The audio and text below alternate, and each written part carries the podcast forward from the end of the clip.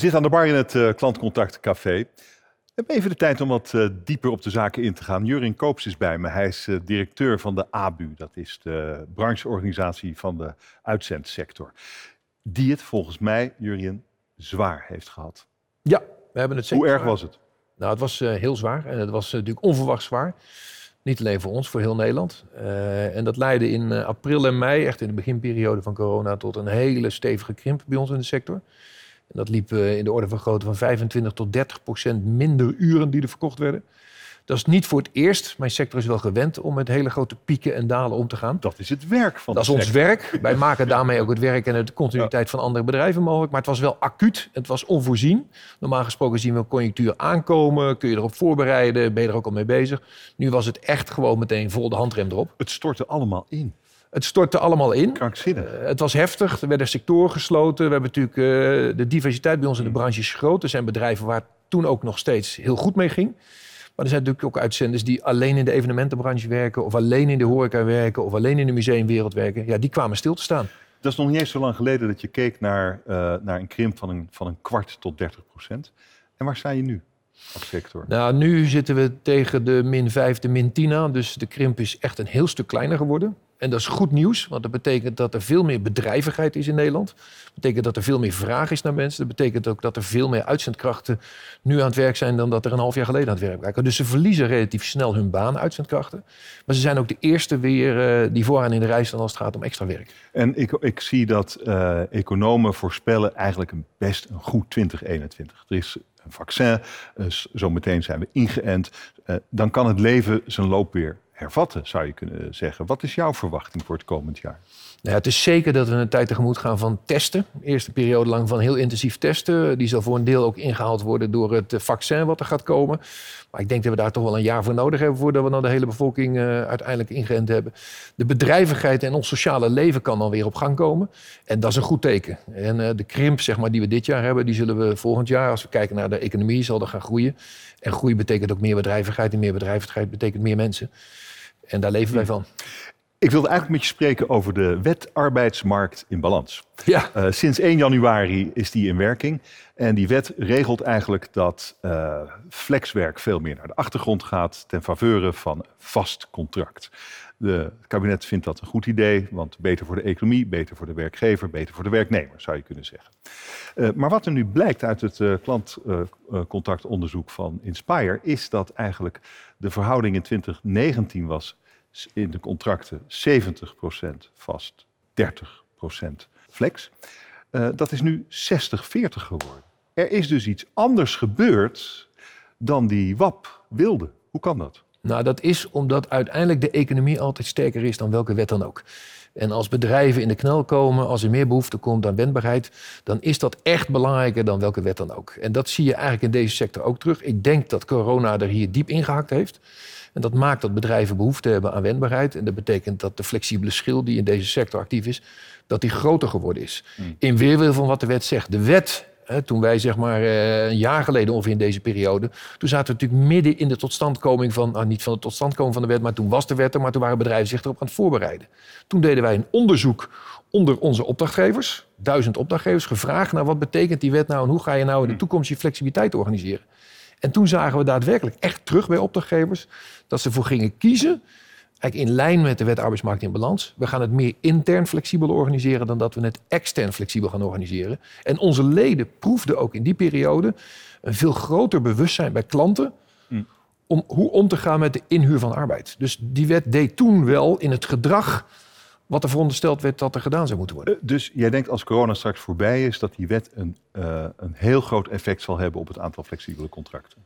Nou, dat denk ik nog niet, omdat eigenlijk heel veel sectoren echt wel lang last zullen houden van corona. We hebben natuurlijk nu, uh, is dat infuster van de NOW, bedrijven worden deels in leven gehouden. Maar uiteindelijk zullen we zien dat een aantal sectoren toch echt wel structureel last van hebben.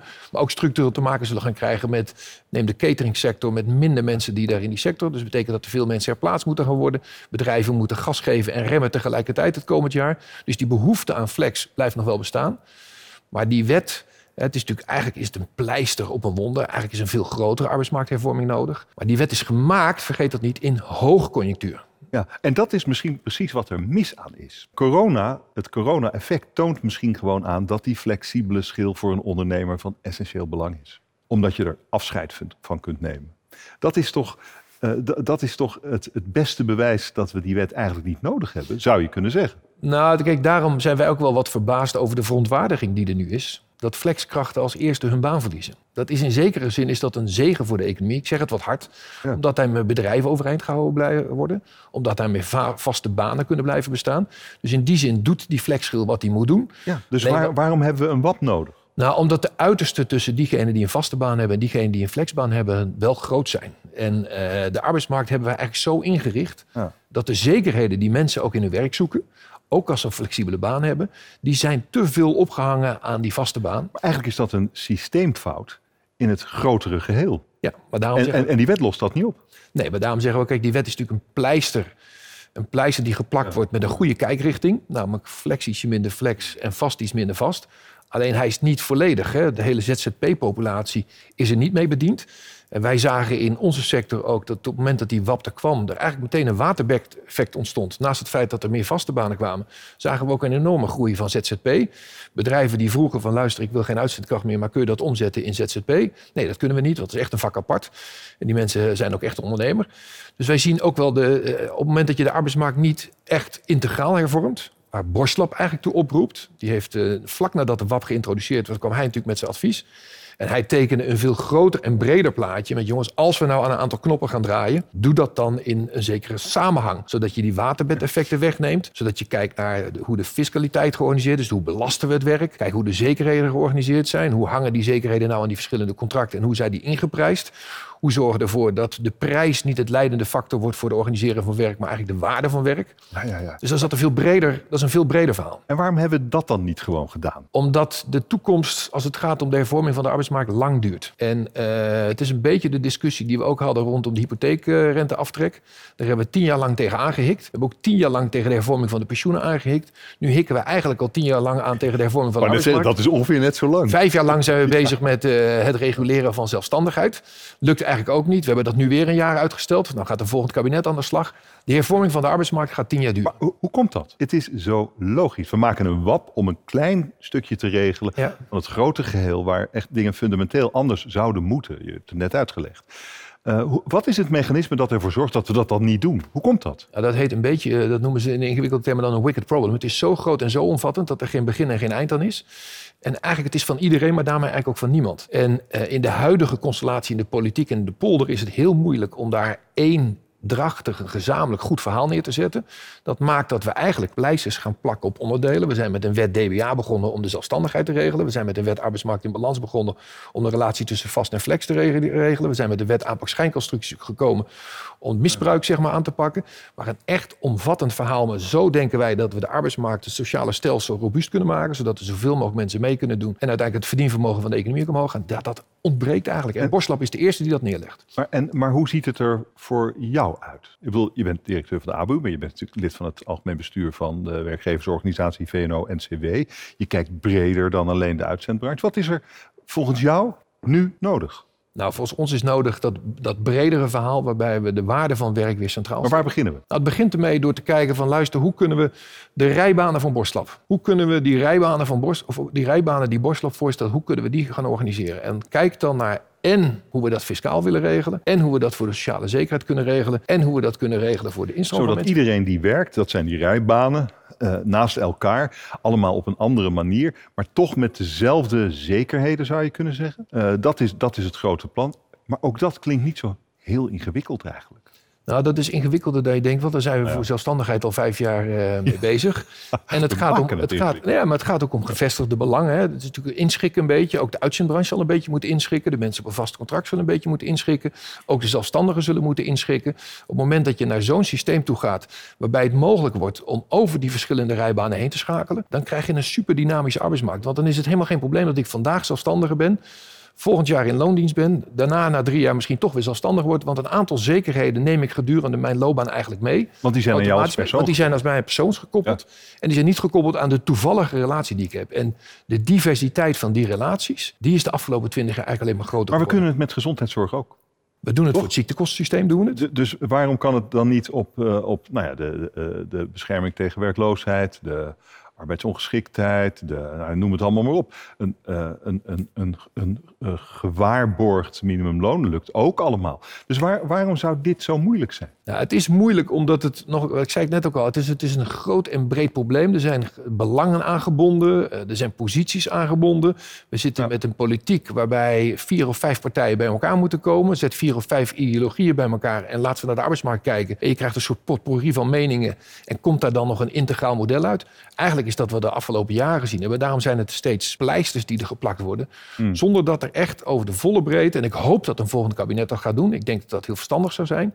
En daar moeten ze eigenlijk een periode van vier tot vijf of tien jaar voor uittrekken. Om stapsgewijs te gaan werken naar die arbeidsmarkt van de toekomst. En word jij dan eh, in dat opzicht blij met wat je nu al hebt gelezen in de verkiezingsprogramma's? Ja, want daar komt best veel terug eh, vanuit de Borstlab. Als ik puur naar het uitzenden zelf kijk, dan word ik er minder blij van. Want uitzenden komt er niet goed vanaf. Dat heeft voor een deel ook te maken met het imago wat de branche heeft. In welk aspect komt uitzenden er niet goed vanaf? Nou ja, kijk, uitzenden wordt eh, voor een deel vereenzelvigd met de doorgeschoten flexibiliteit. Ja, dat is maar helemaal ten dele waar, want wij vormen maar een klein deel van die flexibele schil. We hebben in onze branche te maken met eh flink deel malafide uitzendondernemingen, die eigenlijk de kantjes ervan aflopen en in die zin ook onze reputatie natuurlijk eh, ernstig Hmm. geweld aandoen. We hebben ook te maken met eh, een groot deel van de uitzendpopulatie is inmiddels arbeidsmigrant. Dus die werken vanuit Polen of Roemenië in Nederland. Nou, kijk en lees de media daarover. Dat is ook niet altijd plezier wat je, dan, wat je dan terugleest. Ook daar zijn misstanden. Dus onze branche, mijn branche, staat er in de verschillende verkiezingsprogramma's niet goed op. En dat heeft voor een deel ook te maken met de dingen die wij zelf eh, niet goed genoeg gedaan hebben. Dus daar moeten we zelf de hand in eigen boezem steken. Oké, nou laten we daar dan beginnen. Wat ga je doen? Wat gaan jullie doen? nou, wat wij gaan doen is één, eh, wij willen dat eh, die cowboys die bij ons in de sector actief zijn, dat die het onmogelijk wordt gemaakt om bij ons in de branche actief te zijn. Dat, dat, dat kan de ABU niet doen. Nee, maar waar, waar wij kunnen beginnen, in ieder geval bij de ABU zelf, is onze eigen keurmerk eh, naar een hoger niveau tillen. Dus de eisen om dit te kunnen worden bij ons strenger maken. Dat hebben we vorig jaar gedaan door te zeggen... luister, je mag alleen lid bij ons zijn en blijven... op het moment dat je antidiscriminatiebeleid voert. Dus mocht je dat niet hebben, dan vlieg je er bij ons op een gegeven moment een keer uit. Betekent dat wij... Heb je eh, al iemand uitgegooid? Eigenlijk? ja, zeker. Wij gooien jaarlijks een stuk of 10, 20 ondernemingen eruit. Die voldoen niet meer aan onze criteria. Betekent dat je gewoon niet meer thuis hoort in, onze, in de Champions League zeg maar, van de uitzendbranche. Stoppen dan waarschijnlijk niet met hun werkzaamheden. Nee, dat is, maar daarom begon ik net ook volgende- met, volgende daarom begon ik net bij het punt van op het moment dat ze bij ons eruit gaan, zijn ze niet weg. Dus kijk, eigenlijk is twee dingen. Wij moeten eh, het beter verzorgen. Dat doen we door onze eigen eisen op, te- op te schroeven. Dat doen we door met de CAO die we afsluiten de werkzekerheid sterker te maken. Door uiteindelijk goed te investeren in de duurzame inzetbaarheid van uitzendkrachten. Een beter pensioen te gaan regelen voor uitzendkrachten. Allemaal stappen die het kwalitatief beter en duurzamer moeten maken.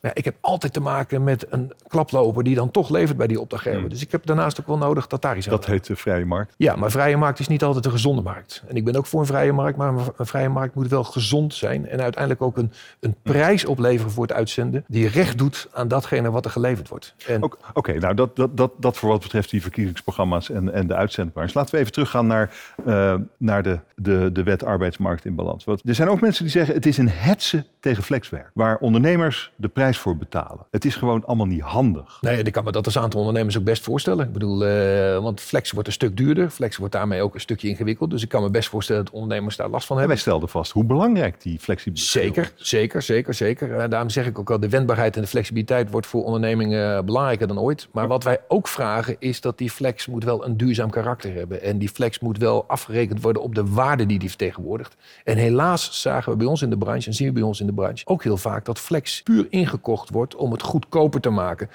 Om een opdrachtgever die vraagt om het nog flexibeler te maken. Als het geen uitzending is, dan noemen we het contracting. Als het geen contracting is, dan noemen we het payrollen. Om het uiteindelijk nog goedkoper te maken. Dat is allemaal voor een deel wel eh, opgelost nu. Dat is voor een deel opgelost, maar er zit ook wel iets gedragsmatigs in bij opdrachtgevers. Van luister, dat waar die wij leveren moet ook gewoon een eerlijke prijs hebben.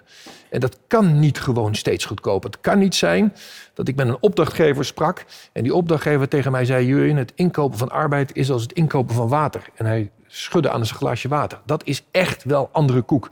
En als je in die, als je in die constellatie terechtgekomen bent, ja, dan doet dat geen recht aan die enorme toegevoegde waarde die mijn leden ook leveren, om mensen te leveren voor het bedrijf. Hm, Oké.